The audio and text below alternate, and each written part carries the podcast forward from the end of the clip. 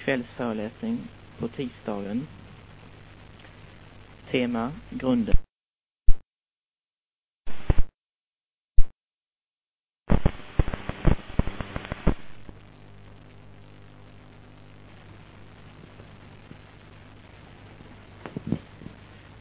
Detta är band nummer ett, spår nummer fyra. Kvällsföreläsning på tisdagen. Tema Grunden för tillvaron.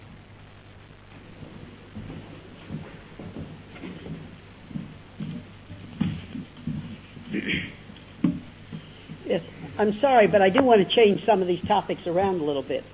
Jag är ledsen att jag, jag kommer göra så att jag ändrar, flyttar om en del av de här ämnena lite grann.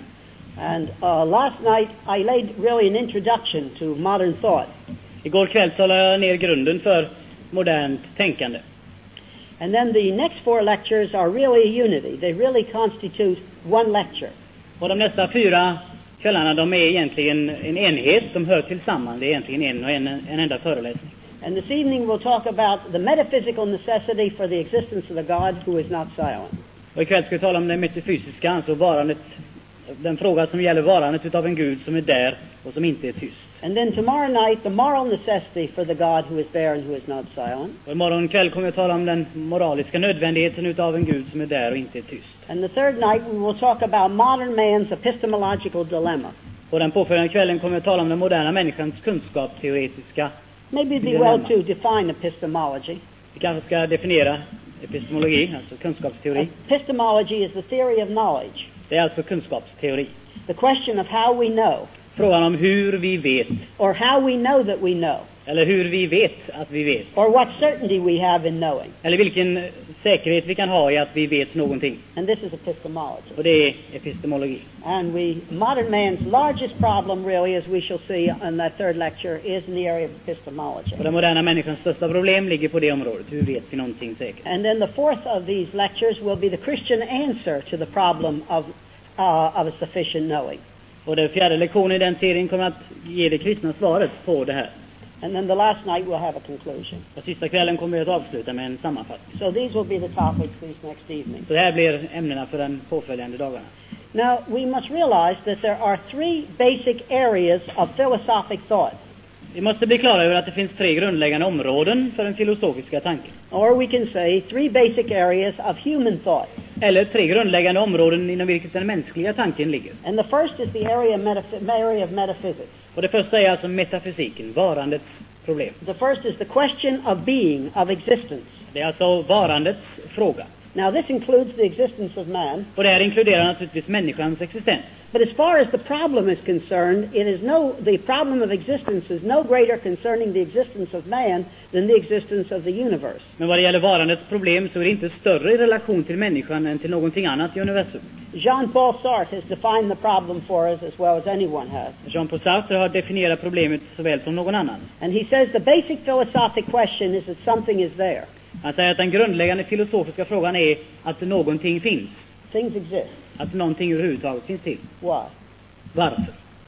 Now, no philosophy or system of human thought has the luxury of not wrestling with the problem of why things exist. Inget mänskligt tankesystem kan ha råd med den lyxen att inte ställa sig de här frågorna. And along with this problem of things existing is the problem of why they exist in, their, in with form or with their present complexity. Och med den här frågan går den andra frågan och det är den hur och varför existerar de tillsammans på det sätt som de gör i den form och den komplexitet som det är frågan om. Now, this is the metaphysical problem. Det här är det metafysiska problemet. The second problem that all human thought faces is the problem of man and the dilemma of man. Och den andra stora frågan i metafysiken är människan och hennes problem. And the problem of man falls into two parts. Och problemet människan faller i två delar. First, that man is personal and yet he is finite. För det första att han är personlig men ändå begränsad. He is finite, so he is not a sufficient integration point unto himself. Han är begränsad och utgör därmed ingen slutlig integrationspunkt med sig själv. And again, Sartre has defined this well. Och Sartre om igen har definierat det här fint. Because Sartre has said that a finite point has no meaning unless it's in reference to an infinite reference point. Och han säger att en begränsad punkt har ingen betydelse om den inte står i relation till en obegränsad punkt. So man is finite, Så människan är begränsad, and yet he is different from non-man. men han är annorlunda än icke-människan.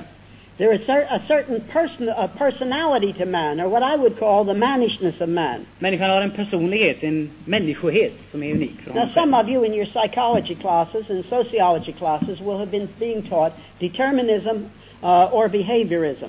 En del av er sociologiska psykologiska studier har lärt er determinatismen, alltså att människan är förutbestämd antingen genom beteendekontroll eller på annat sätt. And determinism and behaviorism is becoming more and more the popular statement about man. Och determinismen, att människan är förutbestämd enligt ett visst mönster, blir mer och mer vanligt och populärt. And this denies that there is any qual- qualitative difference between man and non-man. Och det förnekar alltså att det finns någon kvalitativ skillnad mellan människa och icke-människa. But this faces a great problem. Men det här möter ett stort problem. And the first part of this problem is that it denies the experience of the whole human race. Och det är det att det förnekar hela den mänskliga rasens upplevelse och erfarenhet.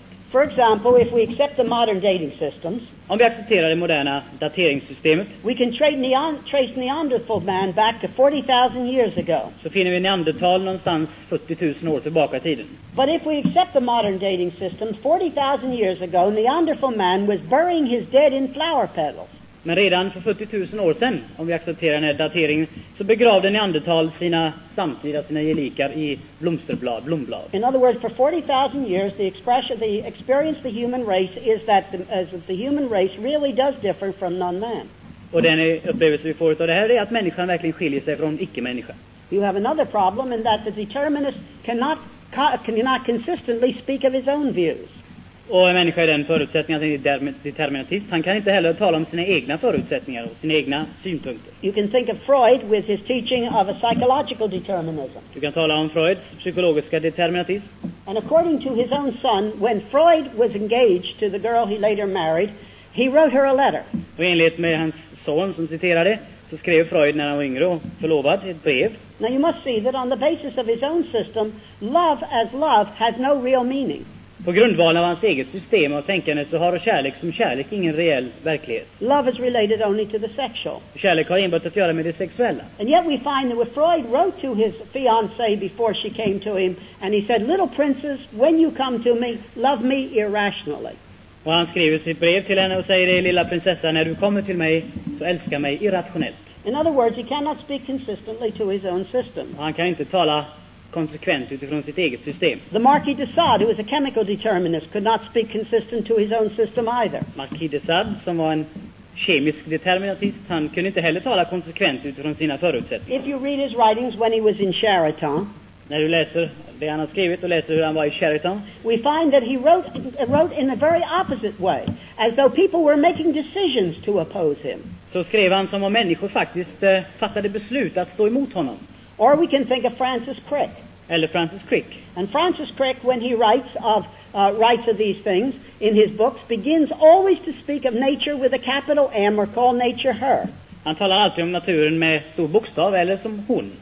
And the reason that he does this is simply because he cannot really accept his own position of a chemical determinism. Och det beror på att han inte själv kan acceptera sin ståndpunkt av att allting är kemiskt förutbestämt. The most modern example that I could give you is that of uh, John Archibald Wheeler of Princeton University. Det modernaste exemplet är John Archibald Wheeler utav Princeton-universitetet. And he is the most outstanding theoretical uh, astronomer in the world today. Och han är den främste, mest framstående utav de teoretiska astrologerna, astronomerna i världen idag. And he can so little accept the fact uh, that man is not, man is really uh, of no meaning that he has put forth the concept of superspace. Och han kan inte så, han kan inte acceptera att människan skulle vara av ingen betydelse, så han har föreslagit tanken att det finns ett utanför, ett övre rymdområde, ett utanför rymdområde. There's no way to explain superspace. Man kan inte förklara det på något sätt. It's behind space. Det ligger utanför rymden. There's no way to examine superspace. Man kan inte på något sätt kontrollera det eller mäta det. But he puts forth the concept of superspace because he cannot accept his own position. Men han föreslår det som en lösning på den position som han inte själv är enstämmig med. So therefore, the, for the problem of behaviorism is simply that it denies the experience of the human race, and these men cannot live consistent, consistently to their own position. Så beteendebestämningen, den är inte tillräcklig för att människor ska vara enhetliga utifrån sina förutsättningar.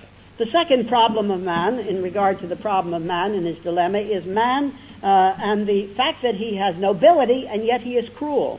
Och det andra problemet är här är att människan har faktiskt Eh, Hon är, hon är ädel så att säga, men hon är ändå samtidigt grym. That is the estrangement of man from man in the area of morals. Med andra ord, detta att människan är främjad, är, är fjärmad från sig själv och från andra medmänniskor när det gäller på moralens område. And this is what we'll examine tomorrow night. Och det vill vi se på imorgon kväll.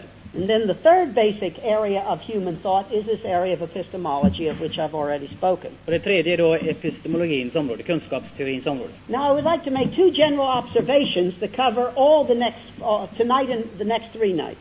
Låt mig göra några allmänna, generella observationer som gäller de här tre nästa kvällarna. And I especially want to speak to those of you who are Christians here. Och jag vill speciellt tala till de utav er som är kristna. You must understand that philosophy and religion deal with the same problems. Du måste förstå att filosofi och religion handskas och tar tur med samma problem. Religion and philosophy all deal with these three basic problems that I have described. De har alla, båda två, att göra med samma problem som jag här har beskrivit för er. You must not think that there is a complete separation between intellectual philosophic thought and religious thought. Du får inte tänka dig att det är ett vattentätt skott mellan intellektuellt filosofiskt tänkande och den religiösa tänkandet. The answers differ, Svaren är olika. and the terminology with which they, the problems are referred to sometimes differs, Och terminologin som beskriver problemen är ibland olika. uh, but the problems are the same. Men problemen är fortfarande de samma. The same three things I have discussed already. Samma tre problem som jag redan har diskuterat. That something exists, Att någonting finns till, a being, som finns av varande, then man and his dilemma, människan och hans dilemma, that is morals, moral, and then knowing things sufficiently. och sen att ha tillräcklig kunskap om saker och ting. Now, philosophy deals with these things. Filosofin tar upp de här. All intellectual thought deals with these things. Allt intellektuellt tänkande rör dem.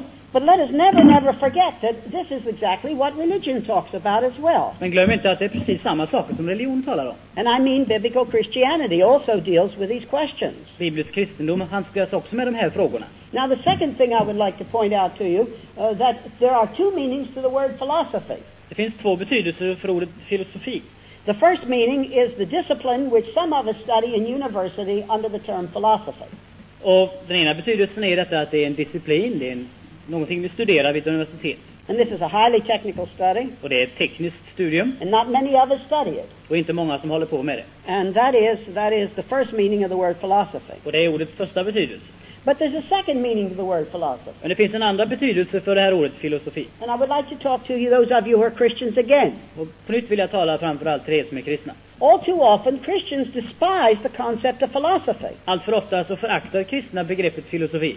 without realizing that in reality all men are philosophers. Utan att förstå att i verkligheten så är alla människor filosofer. We're not, most of us are not philosophers in the first sense of an academic study of philosophy, De flesta av oss är inte filosofer i den första betydelsen av ordet. but all men have a worldview. Men alla människor har en världssyn. All men have their own philosophy. Alla människor har en egen filosofi. And this is the second meaning of the word philosophy. Det här är ordets andra innebörd. And in this sense, there is no man in the world who is not a philosopher. Och i den här betydelsen finns det ingen människa i världen som inte är filosof. The man working in the field has his philosophy. Han som arbetar på fälten har sin filosofi. The shipyard worker has his philosophy. Och den som arbetar på varvet har sin. The housewife has her philosophy. Och husfrun har sin. So don't think for a moment that Christianity and philosophy are really separated. Så tro inte ett ögonblick att filosofi och kristendom är separerade. They're dealing with the same problems. De handskas med samma problem. And the real question is, what gives the answers to these problems? Och den verkliga frågan är, vad är det som ger svar på de här frågorna? Now, these are the, they're the first two things that I want to say in general introduction. Så i en allmän inledning här så är det de här två sakerna som är nödvändiga att lägga märke till. Now, I want to come to the, to the basic, uh, or I want to come to the possible answers to the basic intellectual and philosophic questions. Nu vill jag komma till de tänkbara svaren som finns på de frågorna, de filosofiska frågorna. And let me repeat again. Remember what the basic questions are. Kom ihåg nu på nytt, jag upprepar dem, de grundläggande frågorna. The metaphysics, the question of existence. Frågan först, varandets problem. The man and his dilemma, the problem of morals. För det andra, människan och hennes problem, moralens And the, problem. and the problem of epistemology, the problem of knowing. Och kunskapsteorins problem. Hur vet vi? Hur känner vi till? Hur? Now, there are not really many basic answers to these questions. Det finns inte många grundläggande svar på de här frågorna. There are many, many details within the basic answers, I de här olika grundsvaren finns det variationer och detaljer. But there are really very few basic answers. Men det finns egentligen bara ganska få grundläggande svar som är tänkbara. Some brilliant person has said, has said that when you get done speaking of intellectual things, there are not many people in the room. Någon har sagt Alltså när du har slutat tala, när man har talat färdigt om filosofiska ting, så finns det inte många kvar i rummet. And by that it means there are not many basic answers. Och det innebär att det finns inte många svar. Now let's think of what, what answers can be given to these great three, these three great areas of human thought. Vilka tänkbara svar finns det på de här tre stora områdena i tänkandet? And first we will see that there are two classes of answers. Det finns två klasser av svar, två grupper.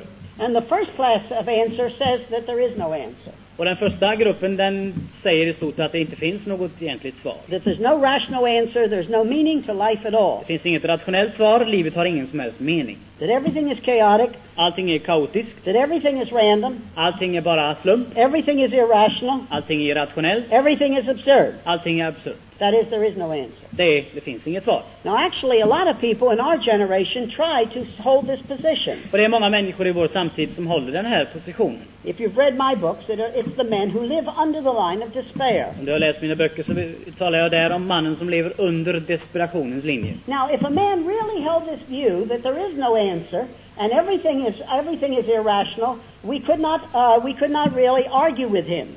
Om en människa verkligen tror det här, att det inte finns något svar, då kan vi överhuvudtaget inte tala med honom om det. But I want to point out quickly that nobody really holds this view.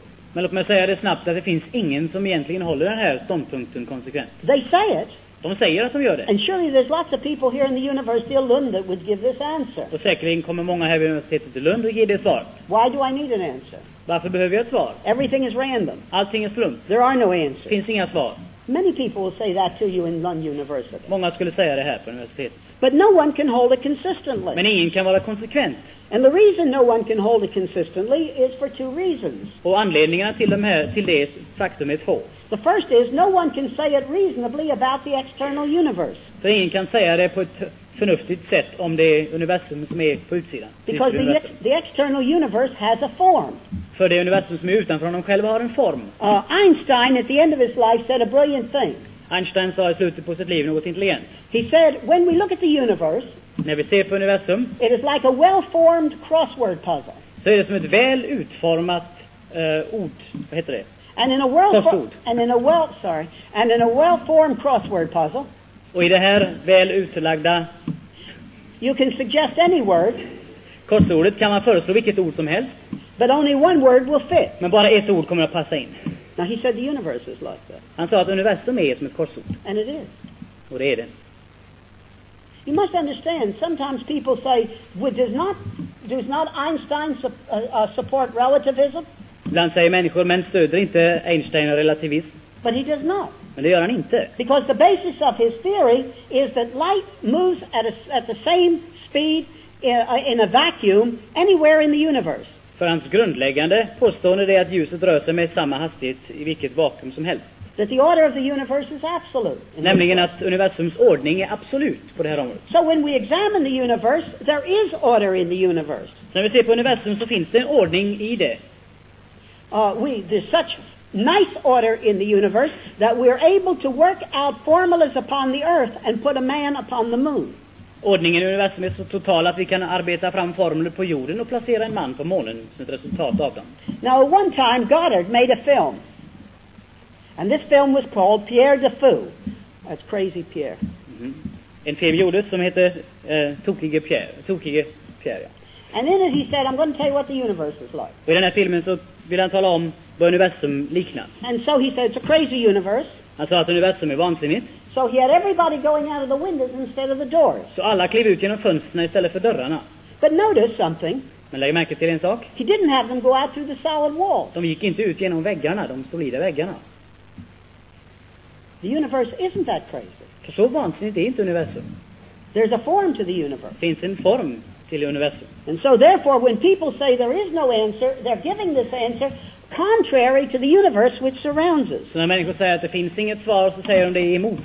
Till det som vi observerar av universum omkring oss. And if, if somebody gives you this answer and says it's, it's an absolutely crazy universe, om någon kommer till dig och säger att universum är fullständigt vanvettigt you must understand if they bring a little bit of order into their system, they destroy their system. så måste du vara medveten om om de tolererar någon form av ordning inom det här systemet så förstör de det. And also notice that everybody holds this position, holds it very selectively. Och kom ihåg att alla som håller den här positionen är mycket noga med att välja sina ståndpunkter. When I'm discussing in a university circle, När jag talar i universitetscirklar many people will argue against me reasonably, trying to prove that on the basis of reason, Christianity cannot be true. De försöker argumentera sig fram till att på grund av förnuftet så kan kristendom helt enkelt, om man resonerar konsekvent, inte existera och vara sann. But then suddenly, when they're losing the argument, Men när de märker att de börjar förlora argumentet they flee into the area of irrationality. så flyttar de snabbt in i irrationalitetens område. In other words, they're selective in their argument. Med andra ord, de är mycket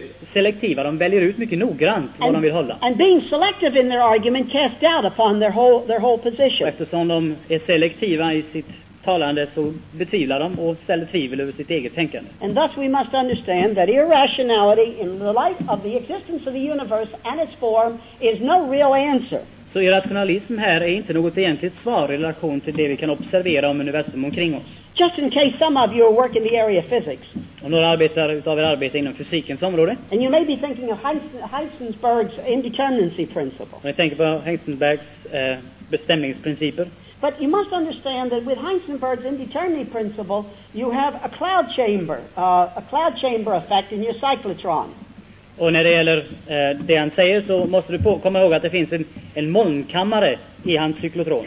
And the particles appear any someplace in the cloud chamber that you cannot uh, tell ahead of time. Och någonstans i den här molnkammaren så kommer en partikel att uppstå. Du kan inte säga var. But it isn't that the particles appear nowhere. Men det är inte det att partiklarna uppkommer var som helst eller ingenstans. It's only that ahead of time you can't tell quite where they're going to appear in the cloud chamber. Det är bara det att inom det här begränsade rummet i den här cyklotronen, det är där du inte vet var de uppkommer någonstans. The simple fact is that the universe in its form is an argument against modern man's concept of irrationality. Det moderna det universum är format som en motsats till den moderna människans tänkande om universum. But there's another reason that people cannot really hold their view of this view of irrationality. Men det finns en annan anledning till att människor inte konsekvent kan hålla den här irrationalistiska värderingen. And that is because there's not only order in the external universe, but there's order in the categories of the mind. För det finns inte bara ordning i det yttre universum, utan det finns också ordning i sinnet, i tänkandet, i tankens kategorier. And certainly some of you have read some of the works of Levi Strauss, the French uh, anthropologist. Och en del har säkert läst Levi Strauss antropologiska verk. And what does he say? Och vad är det han säger? He says, everywhere you go in the world, men think the same. Han säger vart du än går i världen så tänker människor likartat. There are categories of the mind. Det finns kategorier i tänkandet. There's order in human thought as well as order externally. Det finns ordning även i människans tankevärld likväl som det finns ordning utanför henne. And surely some of you have worked, read the works of, of uh, Noel Chomsky. Och del utav läst Noel Chomskys And Noel. Noel Chomsky's view is that there's a basic grammar, Han säger att det finns en grundläggande grammatik som är universell. that there's something in the human mind that demands that all grammars fit a certain form. Det finns någonting inbyggt i det mänskliga tänkandet som gör att hon anser att all grammatik måste ha en viss form. Alla språk måste vara likformiga. So what I'm saying is those who try to give an answer that everything is irrational Så de som försöker ge svaret att allting är irrationellt are speaking really against the order of the universe outside, talar mot eh, universums ordning utanför dem själva. but they're also speaking against the order of the categories of the human Men mind. de talar också tvärt emot de kategorier som finns i människans tanke. And they must hold this view on a highly selective basis. Och de måste vara mycket noga med hur de utväljer fakta i det här ramen. So I would say the answer that, there, that all is irrational is no answer. Så att svaret att allting är irrationellt, det är inget svar. Now, let's go to the second class of answers. Den andra klassen utav svar, And that is that there, are, there is a possible logical and rational answer. och det är att det finns ett möjligt rationellt och logiskt svar. An answer that can be communicated to other people and a person, an answer that can be communicated to yourself in the thinking of your own head. Och det är ett svar som man inte bara kan förstå själv och ha klart för sig själv, utan också kan överföra till andra på ett vettigt sätt. Now, the next three nights we'll deal with answers that are supposedly rational answers. Och de nästa tre kvällarna kommer jag ta itu med svar som är påståendevis rationella svar. And now we come to the study of this evening. This was all introduction, and we come to the study of the evening of metaphysics. Så det här är kvällens studium, varandets problem. And there are just two basic answers in, under the concept of answers that can be given rationally. Och här finns det bara två svar som man kan ge på det rationella området. And the first one is that everything comes out of nothing. Och det första svaret är att allting har sitt ursprung ur ingenting. Now, this is a theoretical answer, Det är ett teoretiskt svar, but I've never heard anybody hold it. Men jag har aldrig träffat någon som konsekvent har hållit fast vid det. I'm simply giving it in the lecture so that no one can say it's been incomplete. Så jag ger det bara i den här föreläsningen så att ingen ska säga att föreläsningen har varit bristande på den punkten. This would view would say that everything in the universe has come out of nothing. Och det är alltså en syn som säger att allting som är har kommit ur absolut ingenting. Now, if you're going to hold this view, if you're going to hold this view, you have to say everything has come out of what I would call nothing, nothing. Så att du måste säga i den här relationen att om du ska hålla den här synpunkten att allting har kommit ur ingenting, ingenting. It's not that everything came out of something, nothing, Det är inte det att någonting har kommit ur någonting, ingenting. or something came out of nothing, something, Eller att någonting har kommit ur ingenting, någonting. but everything came out of nothing, nothing. Ingen, ingenting har, allting har kommit ur ingenting, ingenting. There would be no energy, Ingen energi, no mass, ingen massa, no motion, ingen rörelse, no personality. inga personligheter. I guess the best way to speak of nothing, nothing is like this. Det bästa sättet att tala om ingenting, ingenting är på det här viset. I have a completely, let's pretend this is a board that never had anything written on it before. Låt oss säga att det här är en tavla som aldrig har haft ett enda kritstreck på sig förut. So it's completely clean, Så den är absolut ren. which it isn't, but let's pretend it's Det är den inte, men låt oss säga det. And then on this perfectly clean backboard, we draw a circle. Och mot den här bakgrunden, på den här absolut rena tavlan, ritar vi en absolut cirkel. Och allting som finns, finns i den här cirkeln. And there's nothing in the circle. Och i cirkeln finns heller ingenting. And then I rub out the circle. Och sen så suddar jag ut cirkeln. That would be nothing, nothing. Det är ingenting, ingenting.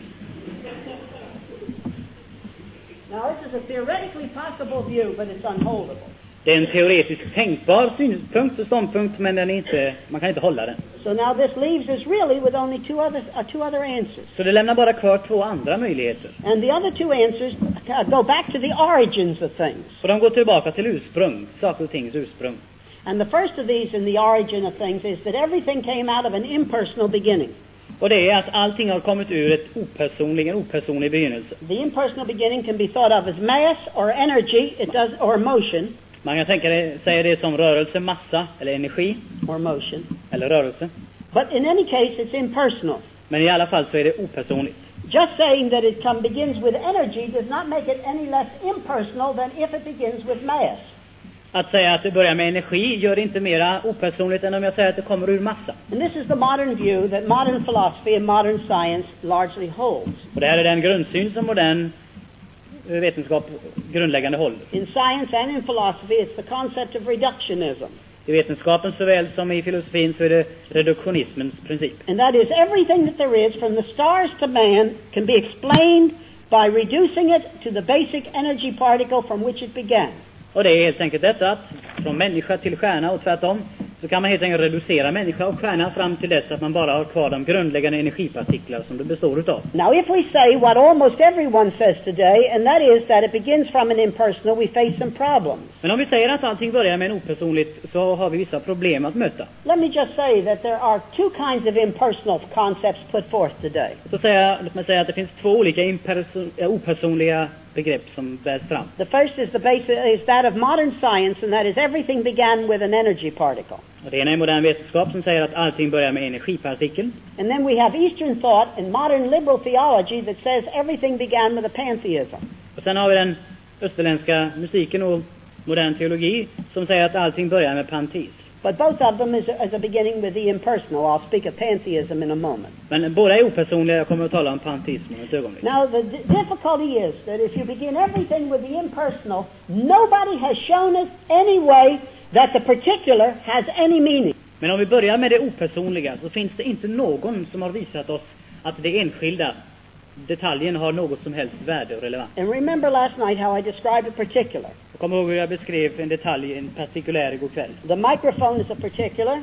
Mikrofonen är en detalj. A drop of water is a particular. en vattendroppe är det, The ocean is a particular. oceanen är det, You are a particular. du är det, And the molecules that make you up are a particular. molekylerna som det består av är enheter. Now, the problem is what meaning do these have?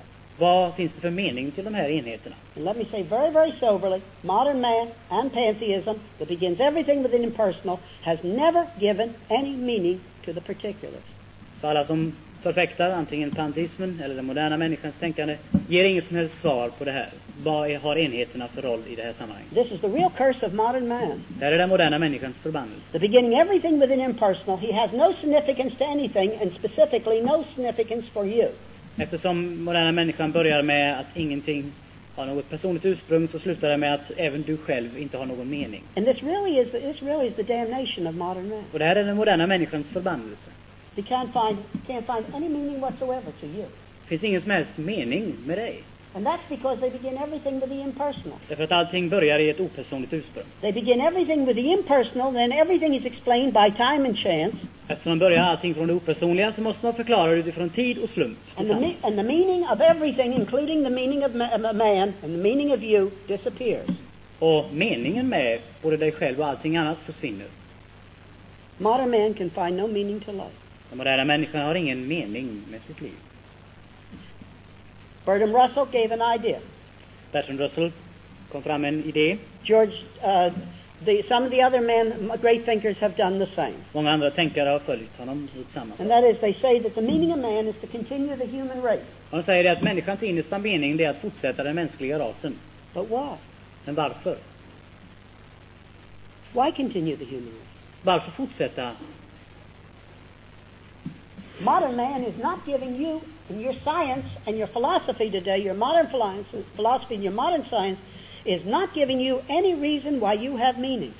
Modern vetenskap ger ingen som helst anledning till. Det ger dig något hopp om att du själv har någon som helst mening. There's a tremendous scientific problem connected with this as well. Naturligtvis är det ett stort vetenskapligt problem i det här. And that is, you see that you explain everything in the universe on the basis of chance. Så du måste förklara allting i universum på slumpens ur- grundval. But the men who work in statistics are having a problem with this. Men människor som arbetar med statistik har ett problem i den här situationen. But perhaps, you know the work of Murray Eden of Massachusetts Institute of Technology. Kanske känner till Murray Edens arbete vid MIT. And he said he has, he has used the high-speed computers uh, to ask a question. Och han har använt eh, datamaskinerna för att ställa en fråga. Remember, he's not a Christian, Han är ingen kristen. But he's just trying to deal with the intellectual problem of beginning everything by ch- explaining everything by chance. Utan han börjar med det här problemet alltså att försöka förklara allt ifrån, ut, allting utifrån opersonlig och slumpens begynnelse. And he has programmed the computers to ask the question, han har programmerat datamaskiner till att ställa frågan, beginning with chaos, begynnelse utav rent kaos, with any amount of time up to 10 billion years, 10 biljoner år tid, what possibility is that the present, present complexity of the universe would have come forth by chance? hur stora är möjligheterna att det nuvarande komplexa universum kunde uppstått på slump? And no matter how many times he runs this question, Och hur ofta han än körde igenom den här frågan the answer is an absolute zero. så är svaret ett absolut noll. This view is not a scientific view. Den här synen är inte en vetenskaplig syn. And yet it's the view that you're taught in your university, it's the view that you receive in the cinema, it's the thing that's given on every side Och today. ändå så är det den världssyn som presenterar sig vare sig det är universitet eller bio du går på. Now let's speak of, speaking of the word pantheism. Låt oss tala något om begreppet panteism. But really we must understand that pantheism always go back, goes back really to pan-everythingism. Panteism går egentligen ursprungligen tillbaka till en pan-allting-ism. And that's true with the Eastern religions, Det är sant när det gäller österländska religioner, but it's also true with the modern theologies which are pantheistic. men det är också sant när det gäller de moderna teologier som är panteistiska. And that is that in reality they use the word pantheism, De använder begreppet panteism, but they really mean the beginning with an impersonal, men det de egentligen menar är att allting börjar opersonligt. and so they use the word theism as a, a, a theism as merely a linguistic answer. Man använder begreppet teism som enbart en, ett språkligt svar. Eastern religions don't answer the question. Österländska religioner svarar inte på problemet. As a matter of fact, Eastern religions give the same answer as modern science. Österländsk religion ger precis samma svar som modern vetenskap. Everything begins with an impersonal, Allting börjar opersonligt, and that's the beginning. och det är begynnelsen. But as I pointed out, this leaves us with a problem of what's the meaning of life. Men det lämnar oss kvar problemet, vad är det för mening med liv? And neither the Eastern religions or modern science gives us an answer to this question. Varken österländsk religion eller modern vetenskap ger oss ett svar på frågan. Pan-everythingism gives an answer for the unity of things, Panalltingism ger oss ett svar till att saker och ting är enhetliga och hänger samman. but it gives no answer to the significance or the diversity of things.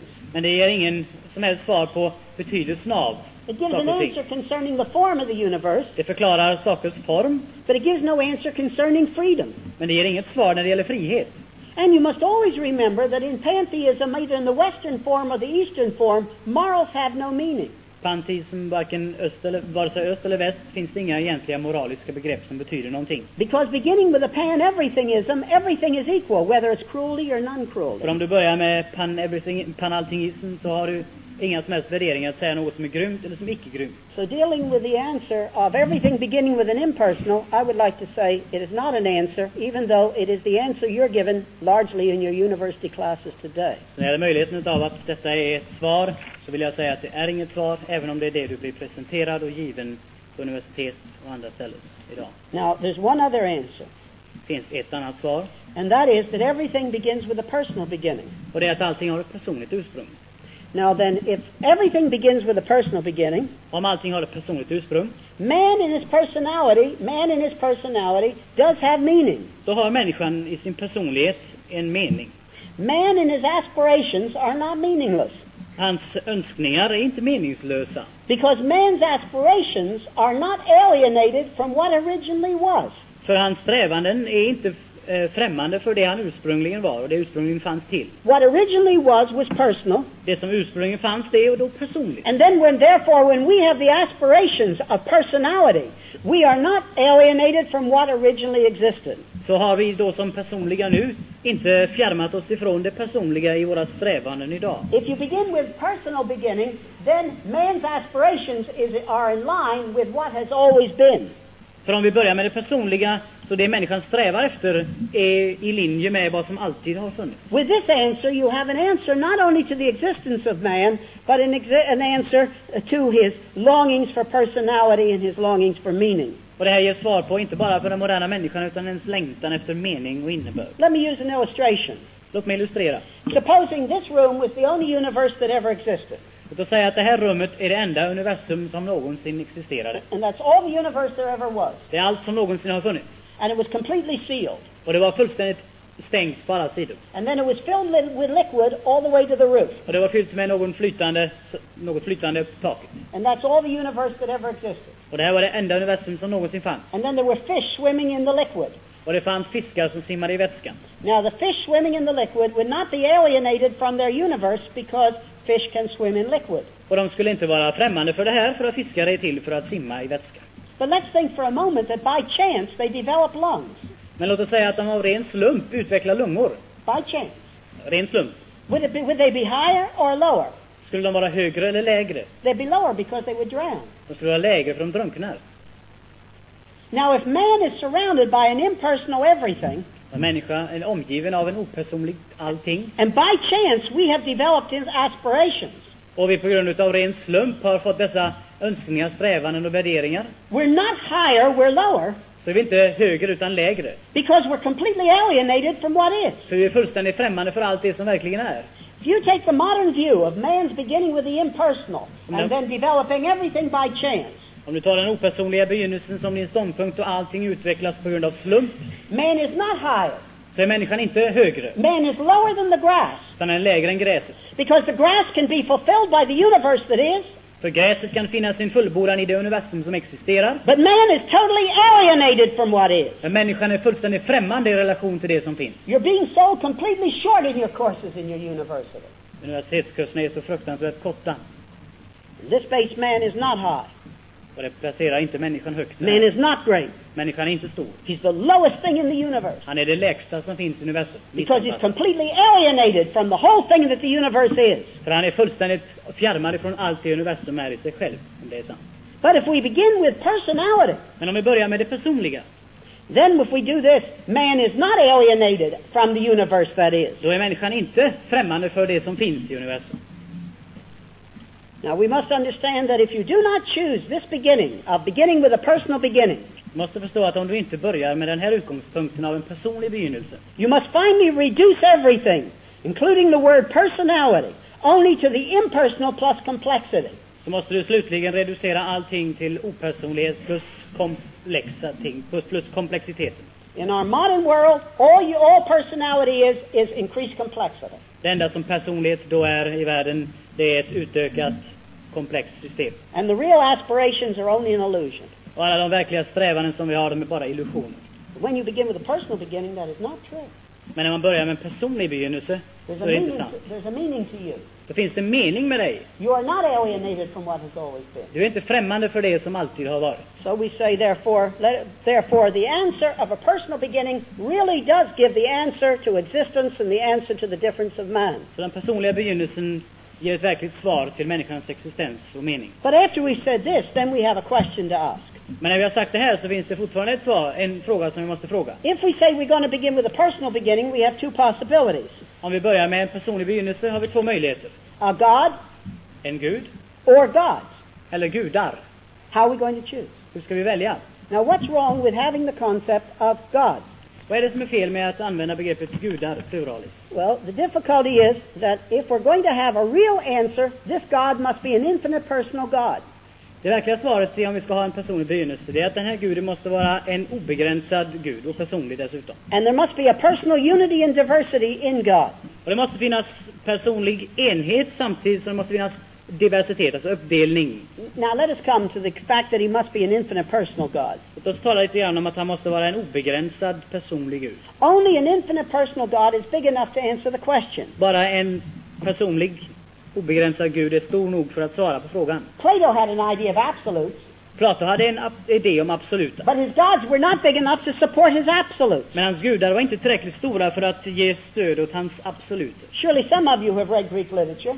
Säkerligen några av er har läst grekisk litteratur. And if you've read Greek literature, you, you, re, you'll remember that the Greeks always had a problem of whether the gods were behind the fates or whether the fates were behind the gods. Och deras konstanta problem var att de kunde inte riktigt bestämma sig för huruvida gudarna var över ödet eller ödet över gudarna. Having, having the concept of gods rather than God is not big enough. Och att ha ett begrepp om gudar pluralis räcker inte till. We need a personal, infinite God. Behovet står utav en personlig, obegränsad gud. Now, there's no other sufficient philosophic answer in the area of metaphysics and existence than this answer. Det finns inget annat tillräckligt svar i varandets problematik än det här. Infinite personal God, En obegränsad personlig gud, a unity and diversity in God. enhet och samtidigt uppdelning, så att säga, i Gud. And curiously enough, there's only one philosophy, there's only one religion that's ever taught this. Och det märkliga är att det finns bara en filosofi, en religion som någonsin har undervisat om det här, om Gud på det sättet. And that's the Judaistic Christian tradition, the Judaistic Chri- Christian religion. Och det är den judeo-kristna litteraturen och traditionen. The only one. Den enda. And it's only one that this the only one that has the real answer to the intellectual problem of existence. Och den enda som har det verkliga svaret till metafysikens stora fråga. And I'm talking about intellectual answer. Och jag talar om intellektuella svar. I'm not just talking about a Kierkegaardian blind leap of faith. Jag talar inte bara om ett Kierkegaard språng ut i mörkret. Not faith in faith, Inte tro på att det finns något att tro på. but it has the intellectual answer to the Utan problem. det är det intellektuella svaret på problemet. You must understand that just using the word God is no answer. Du måste förstå det att bara använda ordet Gud är inget svar i sig. God is only, uh, the word God is only a linguistic symbol. Gud är bara en rent språklig symbol. And until you put the meaning that you mean into it, it can mean anything. Och förrän du laddar ordet med mening så kan det betyda precis vad som helst. And no, no word has meant less than the word God and, uh, without content, if, God, if content is not put into it. Och inget ord är mera meningslöst om än ordet Gud om det inte finns något innehåll i det. And that's simply because people have used the word God as a linguistic symbol, symbol to represent completely opposite things. Därför att människor använt begreppet Gud för att beteckna fullständigt motsatta ting. Det är det A frågan om. pantheistic impersonal God, En panteistisk opersonlig Gud, the biblical personal God, den bibliskt personliga guden. and they use the word God for both. Och de använder ordet, begreppet Gud för båda delar. So often when I am in a discussion Så ofta när jag är i en diskussion and somebody says, I believe in God, och någon säger jag tror på Gud, I say to them, You haven't said anything yet, you must keep talking. så säger jag du har inte sagt mig någonting ännu, fortsätt. What kind of a God? Vad då för slags Gud? Well, the Bible teaches an infinite personal God. Bibeln undervisar om en obegränsad personlig Gud. And the word God does not give us an intellectual answer to our problem. Så ordet Gud ger oss inte ett intellektuellt svar på problemet. It's that peculiar content that the Bible gives about God, of what God is and how God has revealed himself, that gives us the answer. Det är det särpräglade svar Bibeln gör, ger om det som finns i Gud och är i Gud. Och det får vi från Bibeln. Det är det som är svaret. It runs like this. Det går så här. Here is God, Här är Gud. and he is infinite, Han är obegränsad and he is personal. och han är personlig. Now, on the basis of his infinity, På grundval av hans obegränsade everything is totally separated from him. så är allting fullständigt separerat ifrån honom. man, Människan, animals. djur, I'm an artist. jag är konstnär, And the plant plantorna and the machine. och maskinen. And I'll draw the hydrogen atom. It's the simplest machine to draw. Och jag ritar en väteatom för att visa den enklaste maskinen som finns. And on the side of God's infinity, everything is separated. Everything is separated equally from God. Och när det gäller Gud, på, på Guds obegränsade sida så är allting likaledes begränsat, äh, avskuret ifrån honom. God is infinite. Gud är obegränsad, All this is finite. allt det andra är begränsat. God is the creator. Gud är skaparen, All this is created. Allt detta är skapat. God is independent. Gud är oberoende, All this is dependent. allt detta är beroende. But on the side of personality, Men på den personliga sidan utav Gud the Bible says the man is made in a unique fashion. så säger Bibeln att människan är skapad på ett unikt sätt. Människan skapar i Guds avbild. Så på den sidan så kommer gapet inte mellan Gud och skapelsen, The chasm comes here. utan den kommer där under In människan. other words, man's relationship is upward. Med andra ord, människans relation och förhållande är uppåt. So the Bible gives an amazing intellectual answer. Så Bibeln ger ett förvånande intellektuellt svar. Människan är begränsad, and yet he really is distinct from the, from non-man. men han är definitivt annorlunda än det som är icke-människa. Och missa inte betydelsen av det här. Even if you're a non-Christian, you must understand this is a tremendous answer. Och även som icke-kristen måste förstå att detta är ett fantastiskt svar. And for those of you who are Christians, För de utav er som är kristna, don't you be ashamed of your Christianity. ni har inget att blygas för. Don't fall into the concept of a platonic thought of Christianity. Ramla inte in i en platonisk föreställning om kristendomen. Do not just take that you have to believe in a blind faith. Inbilla er inte bara att det är fråga om att tro på någon blind tro. There's good and sufficient reasons to become a Christian. Det finns tillräckligt goda anledningar för att bli en kristen. And all this means a great deal to me. För mig betyder det här väldigt mycket. Because I was raised as, I was, I was an agnostic. Jag var en agnostiker. I didn't come from a Christian Jag family. kom inte från en kristen familj. I was reading all the philosophies. Jag läste all filosofin. And I saw they were not giving me answers. Och jag såg att de gav inget svar. And out of sheer intellectual honesty, Utav ren intellektuell ärlighet I began to read the Bible. började jag läsa Bibeln. And I was amazed that I saw the answers. Och jag blev förvånad när jag upptäckte svaren. And over a period of about six months, I became a Christian. Och över en tidsperiod på ett halvår blev jag en kristen. And for 40 years since, I've studied as hard, I guess, as any man could study. Och de senaste 40 åren har jag studerat så hårt som jag tror att någon kan studera. And the more problems I see that philosophy raises, Och ju mer problem jag finner som filosofin väcker, the more overwhelmed I am at the answers that the Bible gives. ju mer överväldigad blir jag utav de svar som Bibeln ger. Man's philosophy can define the problems, Människans filosofi kan definiera problemen, but it cannot generate the answers. Men kan inte skapa fram några svar. It is Christianity that gives the answers to the problems which philosophy generates. Det är kristendomen som ger svar till de problem som uppkommer genom fil- filosofin. So now what we have then is a God is an infinite personal God. Så vi har en Gud som är obegränsad och personlig. And on this, and we find that that, that man, on the other hand, has has meaning in uh, contrast to non-man because he is made in the image of God. Och människan har därför i motsats till det som icke är människa mening därför att han är skapad i Guds avbild. Now I said that the God that was going to give a sufficient answer had to be two things. Den Gud som skulle ge oss ett tillräckligt svar, han måste vara två saker. He had to be the infinite personal God, Han behöver vara den obegränsade personliga guden. but I said that also he had to be the God in whom there was unity and diversity. Han måste vara en Gud i vilken det finns både enhet och särdelning, uppdelning, Unity, diversitet. unity and diversity is probably the greatest intellectual problem that exists. Och det här är förmodligen det största intellektuella problemet som existerar. Einstein was wrestling with this problem. Einstein brottades med det. He looked at the material universe Han såg på det materi- materiella universum and he reduced the material universe to only two factors och han reducerade det till bara två faktorer. electromagnetism and gravity. Elektromagnetism och tyngdlag. And he tried at the end of his life to find something that would include both.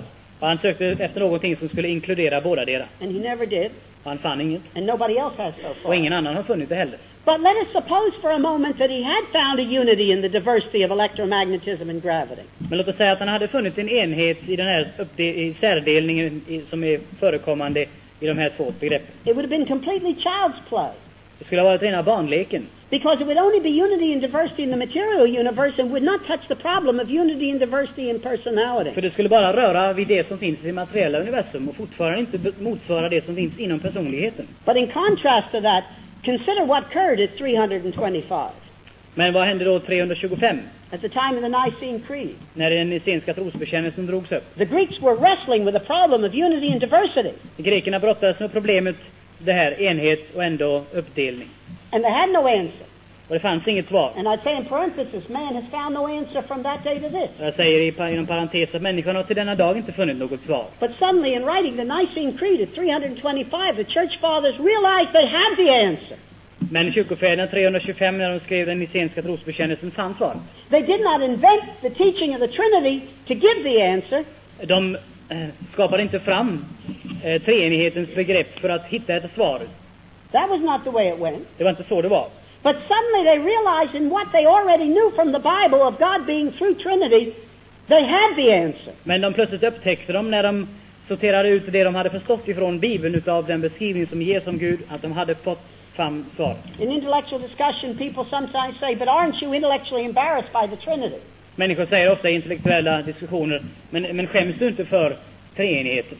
The answer is the other way. Svaret ligger åt andra hållet. I would not be a Christian if the Bible did not preach Trinity. Jag skulle inte vara en kristen om Bibeln inte talade om treenigheten. Because it's at this point that we have our answer of unity and diversity. För här finns svaret på det här problemet med att det finns enhet och ändå finns variation. Now notice that in the area of metaphysics, Notera att i varandets problematik and in the area and the area of metaphysics of the of the existence of the universe and the existence of man, och detta universums existens och människans existens, it is not that Christianity gives the best answer. det är inte det att kristendomen ger det bästa tänkbara svaret. It's the only answer. Det är det enda svaret. Nobody else has given us an answer. Ingen annan har givit oss ett svar. It says answer or total cynicism. Antingen är detta svaret eller total cynism. It is not the Christian who makes the leap.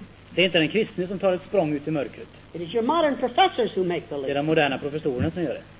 Who tell you that everything began with an impersonal, Som säger att allting börjar opersonligt. and yet make the leap somewhere and try to bring in values without any base. Och ändå försöker göra ett språng någonstans för att föra in några former av värderingar in i den här meningslösheten. But to have the Christian answer, Men att ha det kristna svaret, it must be the full biblical answer. så måste det vara det hela bibliska svaret. We cannot play games with the new liberal theology Vi kan inte leka i samma bakgård som liberalteologin. because the new liberal theology fits into the fits into the other form.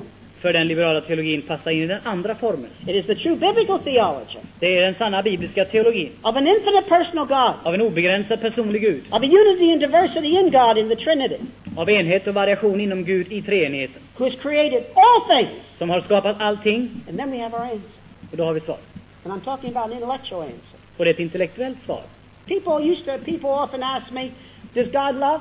Människor frågar mig ofta, älskar Gud? And I say yes. Jag säger ja. And they say, well then, he needed something to love. Och då säger han, ja men då måste han ha någonting att älska.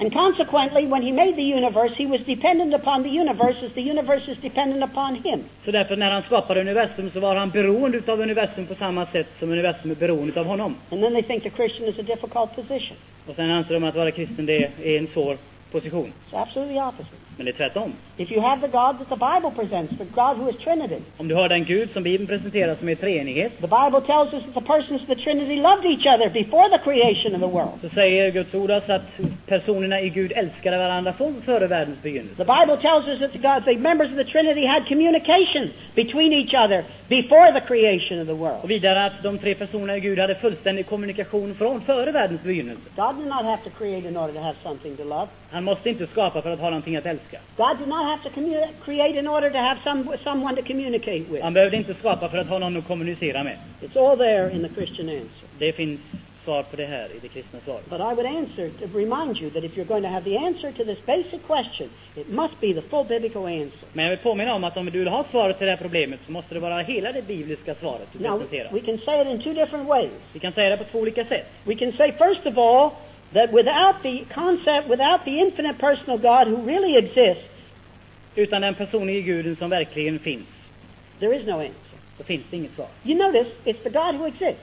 Den Gud som existerar. It's my first book, the God who is there. Det är min första bok, Gud som är där. It's not the word God, Inte ordet Gud, it's the God who is there, and with this content that gives the answer. utan den Gud som är där med det innehåll som vi nyss har beskrivit. And without this, there is no answer. Och utan det, utan honom, finns det inget svar. Or we can say it the other way, Eller uttryckt det på annat sätt. and that is, this God does exist. Den här Gud finns And He has revealed these things about Himself to us in the Bible. och han har uppenbarat dessa ting om sig själv i Bibeln. And then we have the answer. Och då har vi svar. You can say it either way. Man kan säga det på det ena eller andra sättet. And so the last book I've written is He's there and He's not silent. Så den senaste boken jag skrev, det är den när han är där och han är inte tyst. And these lectures are following the direct, the general material in that book. Och de här lektionerna, föreläsningarna följer materialet i den boken. It's the God who is there. Det är den Gud som är där. And the God who has the content of the biblical God. Och det är den Gud som har den bibliska framställningens innehåll. And the God who has revealed himself to be this kind of a God. Och den Gud som har uppenbarat sig att vara den slags Gud som vi har sett. And then we have our answer. Och då har vi ett svar. Let me repeat. Låt mig upprepa. Philosophy, out of itself, can, can define the questions, Filosofi i sig själv kan definiera frågorna, but it cannot give the answer. men kan inte ge svaren. And there must be, and unless there is a Trinity, unless there is an infinite personal God who exists, Om det inte finns en personlig, obegränsad Gud som existerar, a God who is unity and diversity and Trinity who exists, en Gud som är enhet och variation i treenigheten som existerar, a God who has revealed himself who exists. en Gud som har uppenbarat sig själv som existerar. If this is not true, Om det är inte sant, then cry, då gråt. because you have no, Det finns inget svar. you have no answer to the area of existence, Du har inget svar på varandets problem. to the universe Universum, and its form, dess form, and especially no answer to your own, to your own existence. framför allt när det gäller din egen existens finns inget svar.